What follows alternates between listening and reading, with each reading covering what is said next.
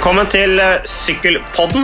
Magnus Orre, du, eh, du var ikke i Kristiansand. Hva drev du med i helgen når det var NM på sykkel? Da dyrka jeg kjærligheten og, og samboerskapet. Det blir jo sånn her um, Tour de France overlapper jo med OL i vår um, husholdning, så det blir jo åtte uker uten uh, samvær. Så da måtte jeg ta ei helg på hjemmebane. Det, er, lov, lenge. Det er det? Men kan jeg få lov til å trøste deg med en ting, Magnus? Ja, kjør på. Altså, Jeg traff jo min kone Marita når jeg bodde i Frankrike. Hun var jo der nede sammen med fire venninner. ikke sant? Norske venninner. Eh, og jeg hadde akkurat velta, så jeg hadde skada kneet. Og Thor var av gårde på sykkelløp, og så ringte Thor meg og sa du, nå er det fire norske venninner å besøke Susanne. Og da reiste jeg dit ikke sant? for å se hvordan dette her var. Og siden har egentlig jeg og kona vært sammen. Det var fra første minutt. Så ble vi sammen omtrent. Det er en fin historie, men det, hva er relevansen her? At... Nei, Relevansen er det at uh, hele poenget Det er jo det at uh, Ja, hva var poenget, egentlig? Jo, Poenget er det at vi var lenge borte fra hverandre. For de tre første årene vi var sammen, så bodde hun i Norge, og jeg bodde i Frankrike. Ah. Og Da hadde vi ofte perioder på tre måneder hvor vi ikke så hverandre i det hele tatt. Og det gjorde egentlig bare kjærligheten sterkere. Og Det her var så... jo før uh, FaceTime og Skype òg. Ja, men takk og lov for det. For ellers hadde vi jo sikkert sittet og holdt på med det hele tiden. Så, Du har jo egentlig ikke så veldig mye å si til hverandre. Det blir sånn, for Et råd til deg, Magnus, når du nå skal dyrke avstandsforholdet. Det, du kan jo en del om det allerede. Du er jo ja. egentlig ganske dreven. Eh, så, men ikke ring hver dag. Det er på en måte ikke noe vits. Oh, ja, vi har alltid sånn greie med at vi skal ha en kort prat hver dag. Oh, ja? Ja. Ja. Men, uh, Men det blir okay, ofte jeg skal, jeg skal, tenke på det. Tenke på det. Ja, Det er liksom så lite å melde noen gang, for all, livet er jo liksom det er jo samme traltene går i hele tida, og hun er der, og du er der, og ikke sant? dere driver med hvert deres, og så liksom ja, Har det skjedd noe? Liksom, Nei, egentlig ikke. Så du lever din lille sære boble, og det gjør hun også, ikke sant? Så hvorfor skal dere snakke sammen hver dag? Sånn har det blitt, da. Jeg trodde det var vanlig. jeg. Ja, jeg trodde det var liksom standarden en, en levde i, men um... Det er mulig det er nye tider. Men la oss heller snakke sykkel. Hva, så du NM-fellesstarten, eller? Eh, ja da. Så, eller eh, fellesstartene? Jeg så dame- og herreutgave, ja. Og så fikk jeg med meg det franske og det spanske. Sånn NM-helga er jo alltid hektisk. Men mm. um, jeg fikk vel eh, skumme over det meste, tror jeg. Men um, det var nå egentlig to litt artige løp, var det ikke det? Jeg syns det var ganske uforutsigbare, underholdende løp. Jeg. Ja, jeg må innrømme at jeg så ikke damerittet, for da var jeg på en måte på vei uh, til Kristiansand. Så det får være unnskyldninga. Jeg fikk jo med meg at Vita Heine gikk om målstreken, selvfølgelig, og det var jo gøy. Og jeg fikk også med meg at Katrine Aalerud jobba, så ut som hun jobba for Susanne Andersen. Så ut som det var en sånn allianse der. Og at det ikke lyktes helt. Ja, det var jo eh, mildt sagt mange manøvre jeg ikke forsto så veldig mye av her jeg satt i stua på det damerittet. Mm. Hvorfor uh, de og de ikke jobba, og hvorfor de plutselig jobba, og hvorfor hun mm. ofra seg. Og det var veldig vanskelig å skjønne taktikken i masse av dette. Men uh, mm. uh, det kan hende bare jeg som ikke skjønner det. Men det var liksom um, ja, Det var en rar taktisk kjøring, da. Men det ble et artig sykkel litt på den måten. da. Litt kaos og litt uforutsigbart og lite kontrollert. Så, det er litt deilig, da. Med ja, litt sånn ukontrollert og uforutsigbarhet. Vi liker det. Vi trenger jo det i livet. Tross alt. Det er vi. Det er vi. Og så ble det jo ganske uforutsigbart med gutta òg, når været ble så dårlig og mm. Uno X plutselig bare forsvant, eller um, ja, Om ikke forsvant, så i alle fall uh, gikk det fra 15 stykk på fronten av feltet til ja, tre-fire stykk i, i, finalen der. Så ja. det ble litt mer åpent enn jeg frykta en stund. Den som ikke helt fulgte opp, var kanskje Nei, altså det, det, som var, det, som var, dumt for UnoX, var at de bare hadde én mann med i dette bruddet med Tobias Foss, Andreas Leknesund og, og godeste Christian Osvold. Så um, de burde jo vært overtallige når de har jobba så mye som de har gjort. og Det er selvfølgelig lett å si, men sånn, rent sånn teoretisk, da, jeg tenkte på det etterpå, burde da kanskje Anders Gaarseth bare satt seg på hjul, ikke dratt en meter, og så at de tre UnoX-gutta bak jobba seg opp igjen til fronten og sparte en av de, som da bare satt på hjul, sånn at de ble overtallige. Det er, det er lett å si i teorien, men kunne det vært en løsning? De ville jo sannsynligvis, da ville sannsynligvis Tobias Foss og Leknesund sånn angrepet veldig mye da, eh, i front.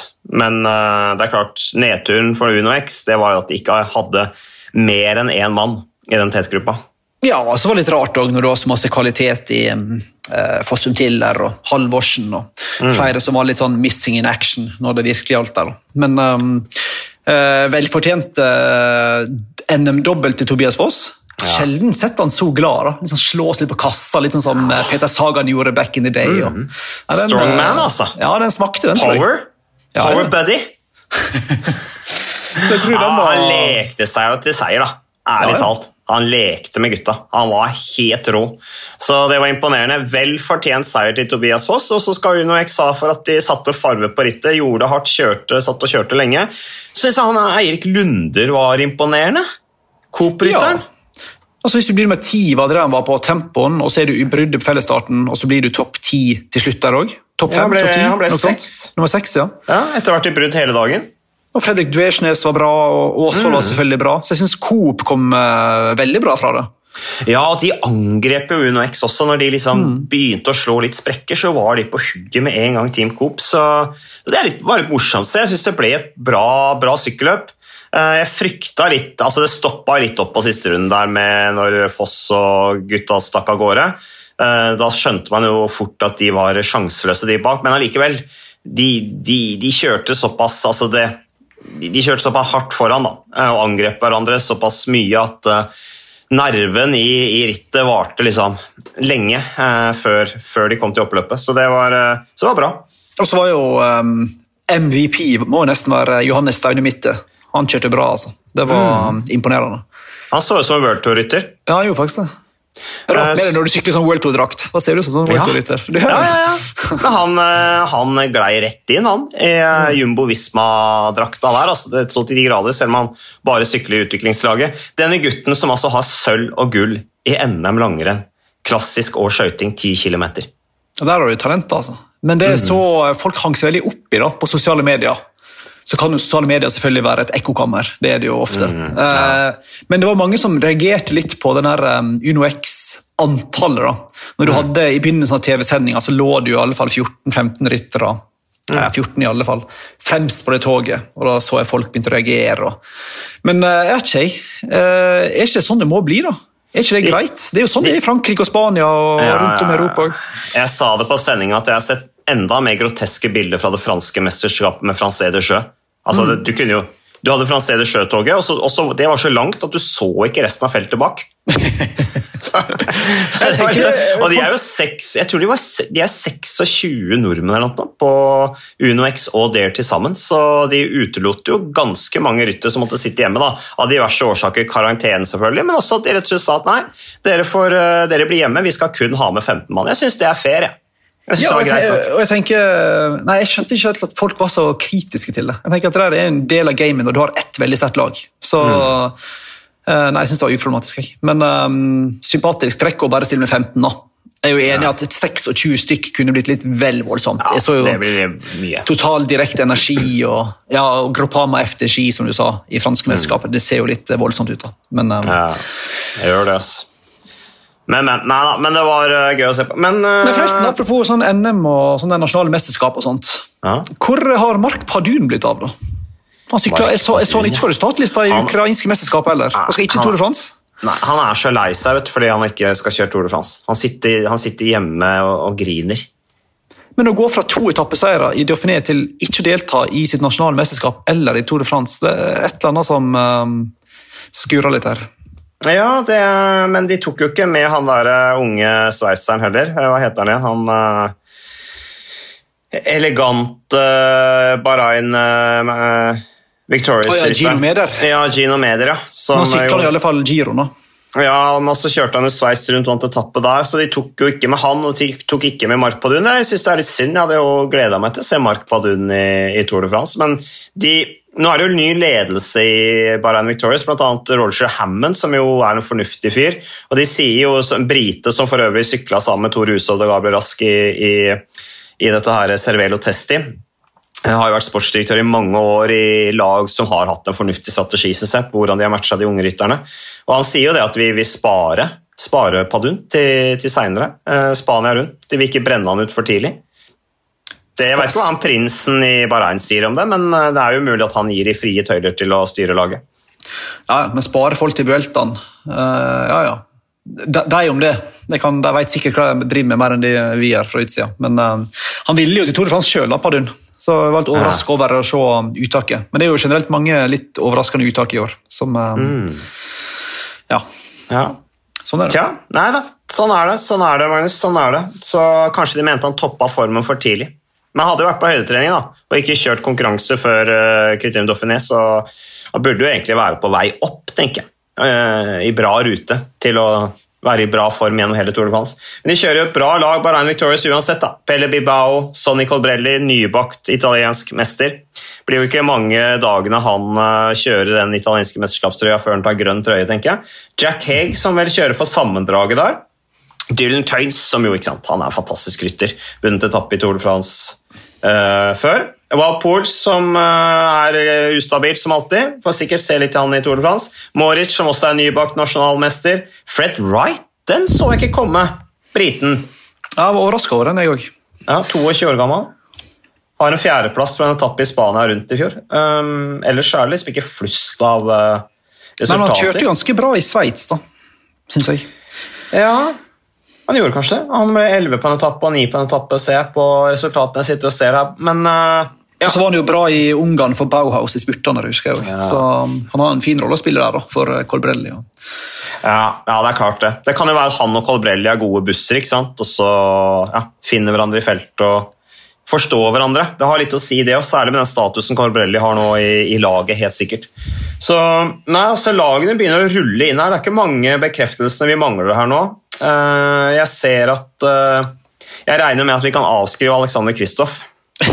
det tror jeg. Ja. Så det... da står vi igjen da med Amund Grøndal Jansen. Han er bekrefta. Edvard Baasen Hagen er bekrefta. Og det, da er det jo UAE per dags dato, altså nå er vi på mandag 21.6. Per dags dato er UAE ennå ikke bekrefta laget sitt. Og jeg ser at på bruttolista sånn, så ser jeg ikke den, På den bruttolista jeg ser på her nå, så står ikke Vegard Saker Laringen på den, men jeg har liksom et sånn lite håp om at han blir tatt ut allikevel han har en mulighet, men i og med at Rui Costa plutselig kom inn her i helga og skulle med fordi han sykla så bra i Sveits, ja. og um, Mikkel Bjerg og Formalo har bekrefta sin deltakelse, så og McNulty har bekrefta sin deltakelse, så tror jeg redd det blir uten. Men det blir dumt å sitte og spekulere i det nå, for en, når podkasten kommer ut, så er jo uttaket der ute. Så ja. Stakelagen har en mulighet, men um, det blir han eller Mikkel Bjerg, da, kanskje? Ja, det blir kanskje det. For Mikkel Bjerg har jo kanskje potensial til å sitte og gjøre jobben til Stake Laingen. jeg vet ikke.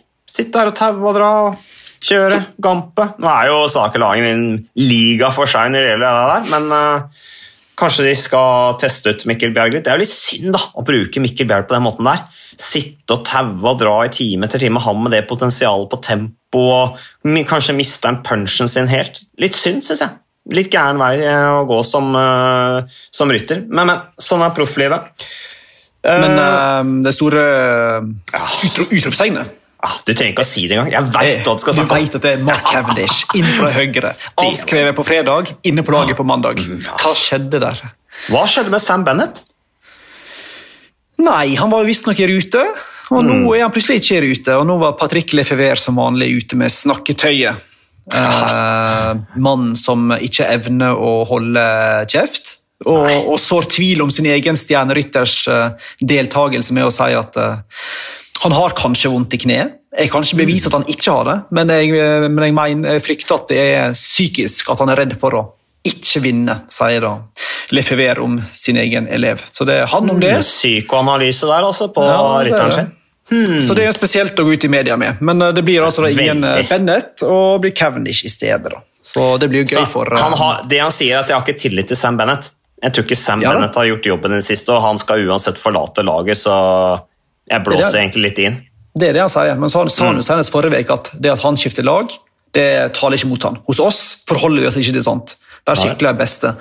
Så, mm, ja, han teller jo seire, da, så Lefebvre elsker jo å telle seire, så det kan jo være at han snakker sant. Ja da, absolutt, men det er jo da rart at du går sånn ut mot din egen rytter. Men, um... ja. men vi kan jo ikke annet enn å elske at Mark Cavendish står på startstreken i Tour de France. Altså, kanskje ikke, ikke for deg som er reporter, du, du skal jo intervjue han, altså, stakkars deg. Men, eh, men, sånn ellers, for oss, som har, som, for oss som følger litt med på avstand, så er det jo moro. Du som er på frontlinja liksom skal stikke mikrofoner opp i trynet på han når han har velta på siste 100 meteren på en eller annen etappe, uh, og han slår rundt seg med, med albuer og ukvemsord, da Ja, det blir tøft. Da, du må kanskje ta med deg noe beskyttelsesutstyr, Magnus? Jeg ber Sindre Olsen ta de intervjuene. Ja. Uh, men det, nei, det er jo kanon med Cavendish, da. Uh, alle historiene og intrigene og dramatikken som kommer med at han er med, er jo kanon. Så Nei, Vi får gratulere han for det. altså. 36 år gammel Mark Cavendish nå. altså Han har 151 seire, 30 Tour de France-etapper. Så fire til, da, så har han eh, Eddie Merckx sin eh, rekord. Men da må vi legge til at Eddie Merckx vant jo flere tempoer. ikke sant? Så Mark Cavendish har jo egentlig flere fellesstartetapper. Så sånn sett så kan du kanskje si at han har en rekord der, eh, Cavendish. Men ja, men tror, tror, tror, tror, du han, tror du han kan vinne en etappe? Jeg tror ja. Altså, Etter det jeg så i Belgia rundt. Uten Nizzolo, uten Ackermann, uten Gaviria, uten Kristoff og flere andre, mm. så er ikke det umulig, altså.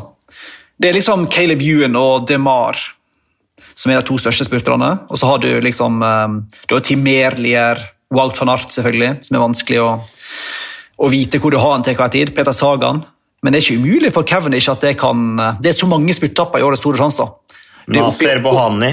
Oppi åtte muligheter for spurterne. Så det er absolutt ikke mulig at han kan ta en. Altså. Men uh, han tar ikke fire. Det er han ikke. Nei. Nei, du har jo uh, Ja, skal vi se her. Altså, hvem har vi, da? Som er uh, Kes Bohl, selvfølgelig.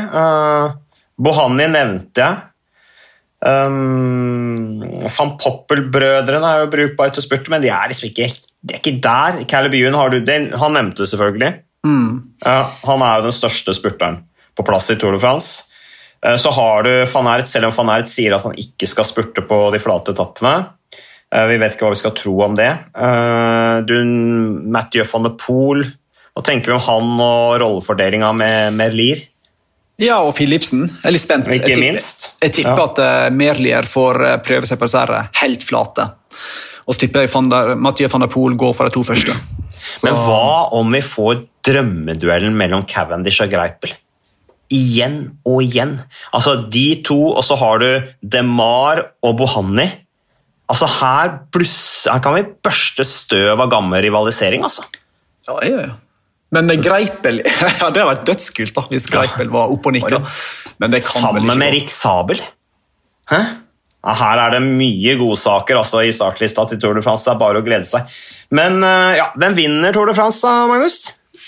Jeg har uh to ryttere. Nei, tre. Jeg har tre ryttere på første Nei, fire! Ja, det er stadig flere her. Jeg har fire på en måte på, um, med fem stjerner. Ja. Primoz Roglic, Tadej ja. Pogacar, Geraint. Thomas og Richard mm. Carapaz. Ja. Det er ikke så kontroversielt, det. Nei, det er ikke det. Og så tenker jeg eh, Roglic er kanskje en knepen favoritt all den tid det er to lange, flate tempoer. Der skal han på, ja. på papiret, i alle fall. Ikke at det hjalp så masse i Tour de France i fjor, da, men på papiret skal han være bedre i Pogacar på de lange, flate tempoene. Ja, du sier flat. Det er viktig. ikke sant? Viktig presisering at du sier flat, fordi at uh, Roglic er veldig aero på temposykkelen.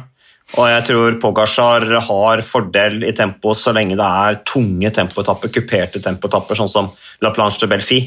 Så, men uh, Roglic tror jeg har lite, liten fordel så lenge det er flatt og går fort. Altså ja. høy snitthastighet. Helt enig. Og så er vel uh, Svakheten til Pogacar er vel lagene òg. Jum, uh, Jumbo og Ineos kommer jo med enorme mannskap. Det gjør mm. ikke UAE uh, på samme måte. Så, Nei, men de har jo styrka laget sitt, da. De har jo styrka laget sitt i forhold til i fjor. Absolutt. Men selv mm. Alexander Kristoff sa i et intervju nylig at det er jo ikke sterkeste laget på papiret. dette her. Nei. Så veit du aldri helt hvor du har en del av gutta som David de la Cruz og Formolo og Mark Hirsche i tvilsom form. Så det, er sånn, mm. det er et par spørsmålstegn der. da. Brand McNulty kjempegod i en dag, svak neste. Ja. Det er litt sånn. Mm. Men uh, de stiller jo også med et helt annet utgangspunkt da, i årets Tour de France enn det de gjorde i fjor, uh, hvor uh, Pogacar stilte som læregutt. I år så er de regjerende mester, og de jo, de, det er en forventning om at de skal kjøre på en helt annen måte, og de vil jo bli angrepet på en annen måte også, UAE enn det de ble i fjor. Så Absolutt. Team Jumbo Visma vil jeg anta ikke kommer til å ta det samme ansvaret som de gjorde i fjor, som de også ble kritisert for at de rett og slett kjørt, kontrollerte for mye. Ja, så Det er jo enkelt å peke på at Injos bør ta ansvaret Når du stiller opp med tre tidligere Grand Tour-vinnere, fire potensielle kapteiner og fire mm. av verdens sterkeste hjelperyttere, så er det nærliggende at de tar ansvar.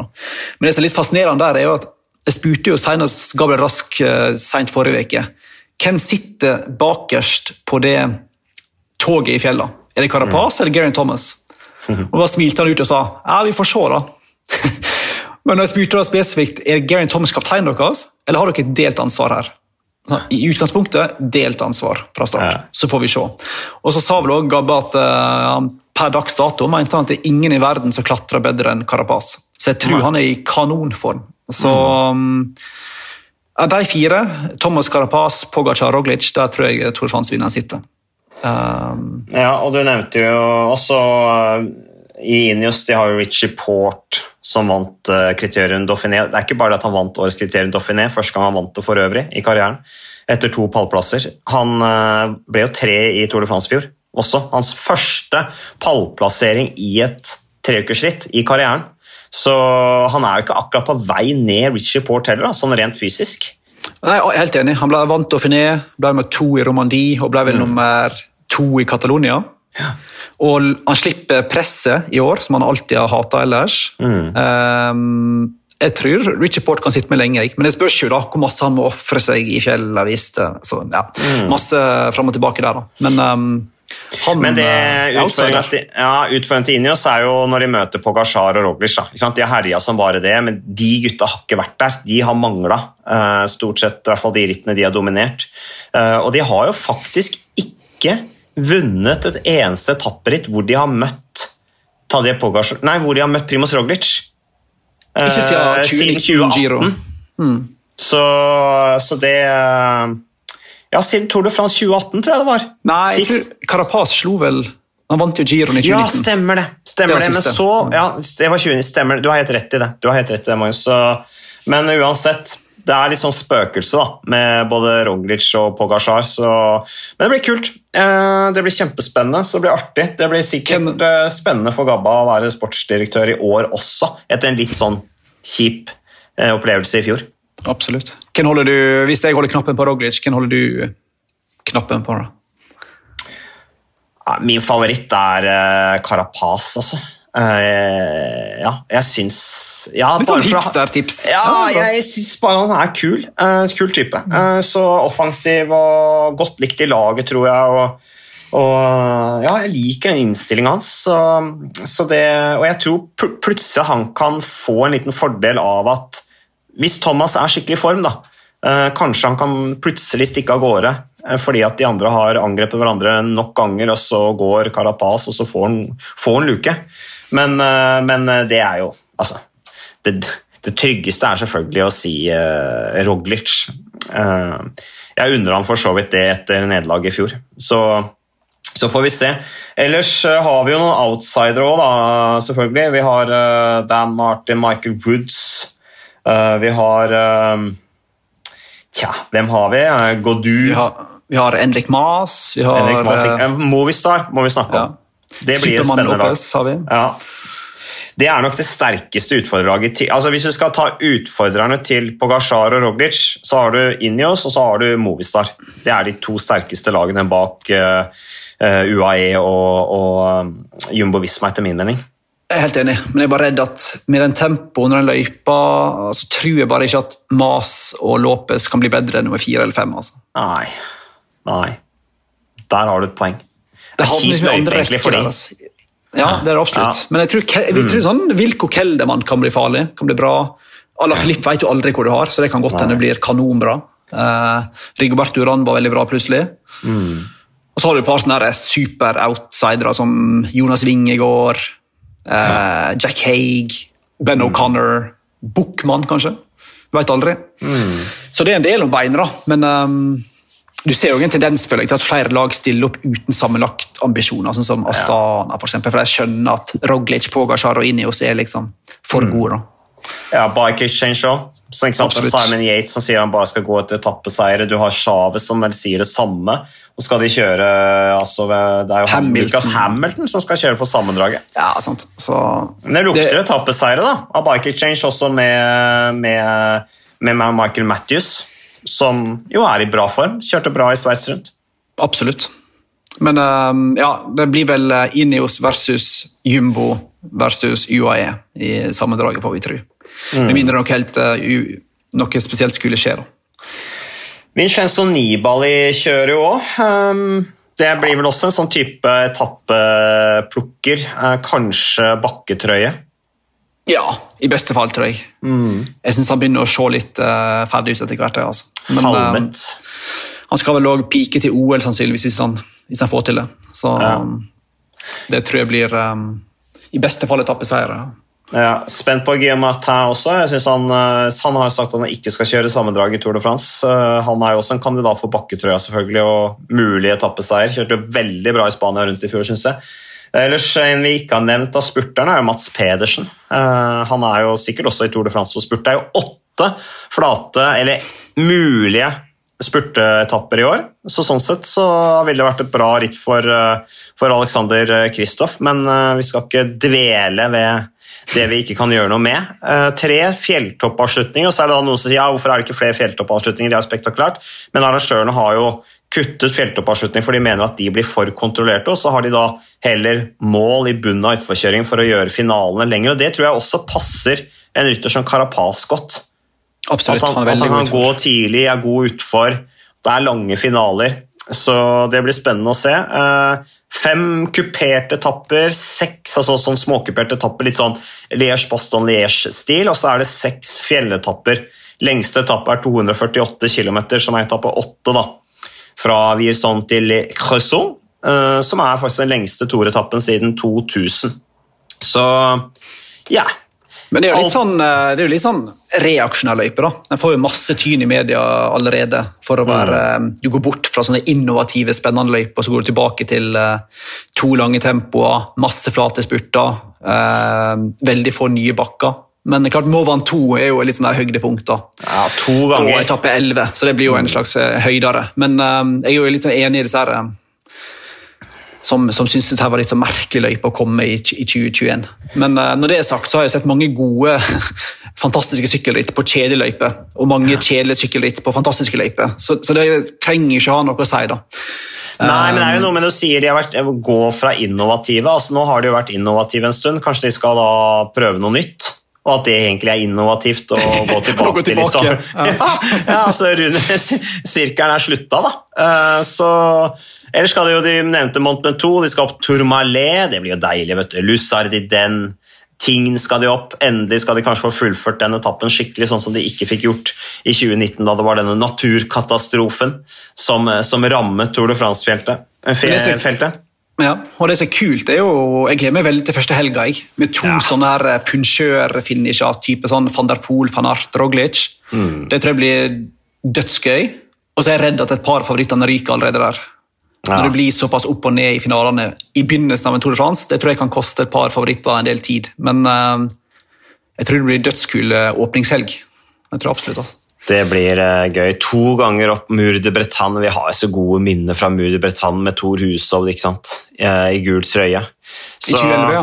2011, Som jo bare var helt fantastisk. Det er tidenes Tour de France sett med norske øyne. helt klart. Og så er det disse bonusspurtene da, som når de arrangørene har lagt inn på sånne sentrale stigninger. Det er altså på etappe ja, jeg skal ikke gå, det er 1, 2, 3, 4, 5, 6 etapper hvor det er bonussekunder som de har lagt inn på sånn sentrale stigninger, som sagt. Blant annet eh, på Mont Ventoux på etappe 11, som nevnte eh, Magnus, da på andre passering. Så, Der, det, det, og det gjør jo at det blir veldig lang finale. da, fordi at De skal jo over Mont Ventoux andre gangen, og så er det jo mål da i bunn etter utforkjøringen. Og så kan du i tillegg ta bonussekunder på toppen. Det er klart at det blir jo et voldsomt kjør, altså. Så det blir spektakulært som bare det. Jeg mener at arrangørene er innovative. ja, men Da er vi uenige, men det er jo deilig. Vi er jo ja, enige om det meste andre i livet, så det er fint vi er litt uenige. Men sånn jo... oppsummert kan vi vel si at i fjor var ei løype for klatrerne, i år er det for rullørene som kan klatre. Er, det, er du enig i den vurderinga? Ja, altså De siste tre utgavene det var 27 kategoriserte stigninger i år. Og så var det 29 kategoriserte stigninger i fjor, altså to flere. Eh, og da tar vi med fjerde kategori og tredje kategori alt. 27 kategoriserte i 2019, altså like mange som i år. Og så var det 26 kategoriserte stigninger i 2018, der Geraint Thomas vant. Så én færre da enn en i år. Men da har jeg ikke liksom beregna hvor mange fjerde og tredje og alt det der, men bare sånn. Bare sånn for å gi deg et spark i balla, Magnus. Hvis vi kan dele løypa inn i fem biter, er det riktig? Hvis du sier at etappe én til sju, der det er mange spurter, det er par mm. kuperte, pluss tempo handler om å overleve, ja. så er det fase to med Alpene. Mm. Så er det fase tre, som handler om vindetapper på vei mm. til Pyreneene. Ja. Languedoc Rossio, ja. nedover der. Mm. Innover kysten. Der kan det skje litt av hvert. Ja. Uh, I Nim og Carcassonne der kan det blåse. Så har du ja. fase fire med Pyreneene, og så har du fase fem med en del spurt pluss den avsluttende tempoen. Er ikke mm. det grovt sett det vi kan vente oss? Ja, jo.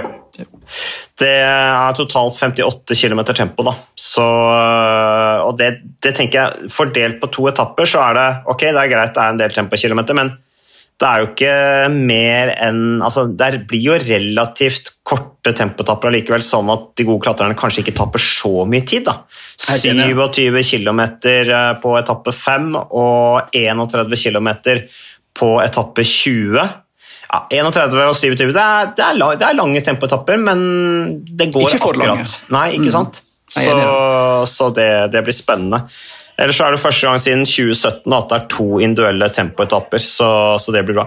Men du Magnus, vet du hva? nå kommer det veltende inn i huset her. Kona mi snakker på telefon, på høyttaler selvfølgelig, sånn som damer gjør. Uh, og da tenker jeg at det er like greit å bare legge på med en gang, for da blir for mye støy og bråk og forstyrrelser. Så vi får liksom ikke i ro og fred snakke om sykling. Hva tenker du om det?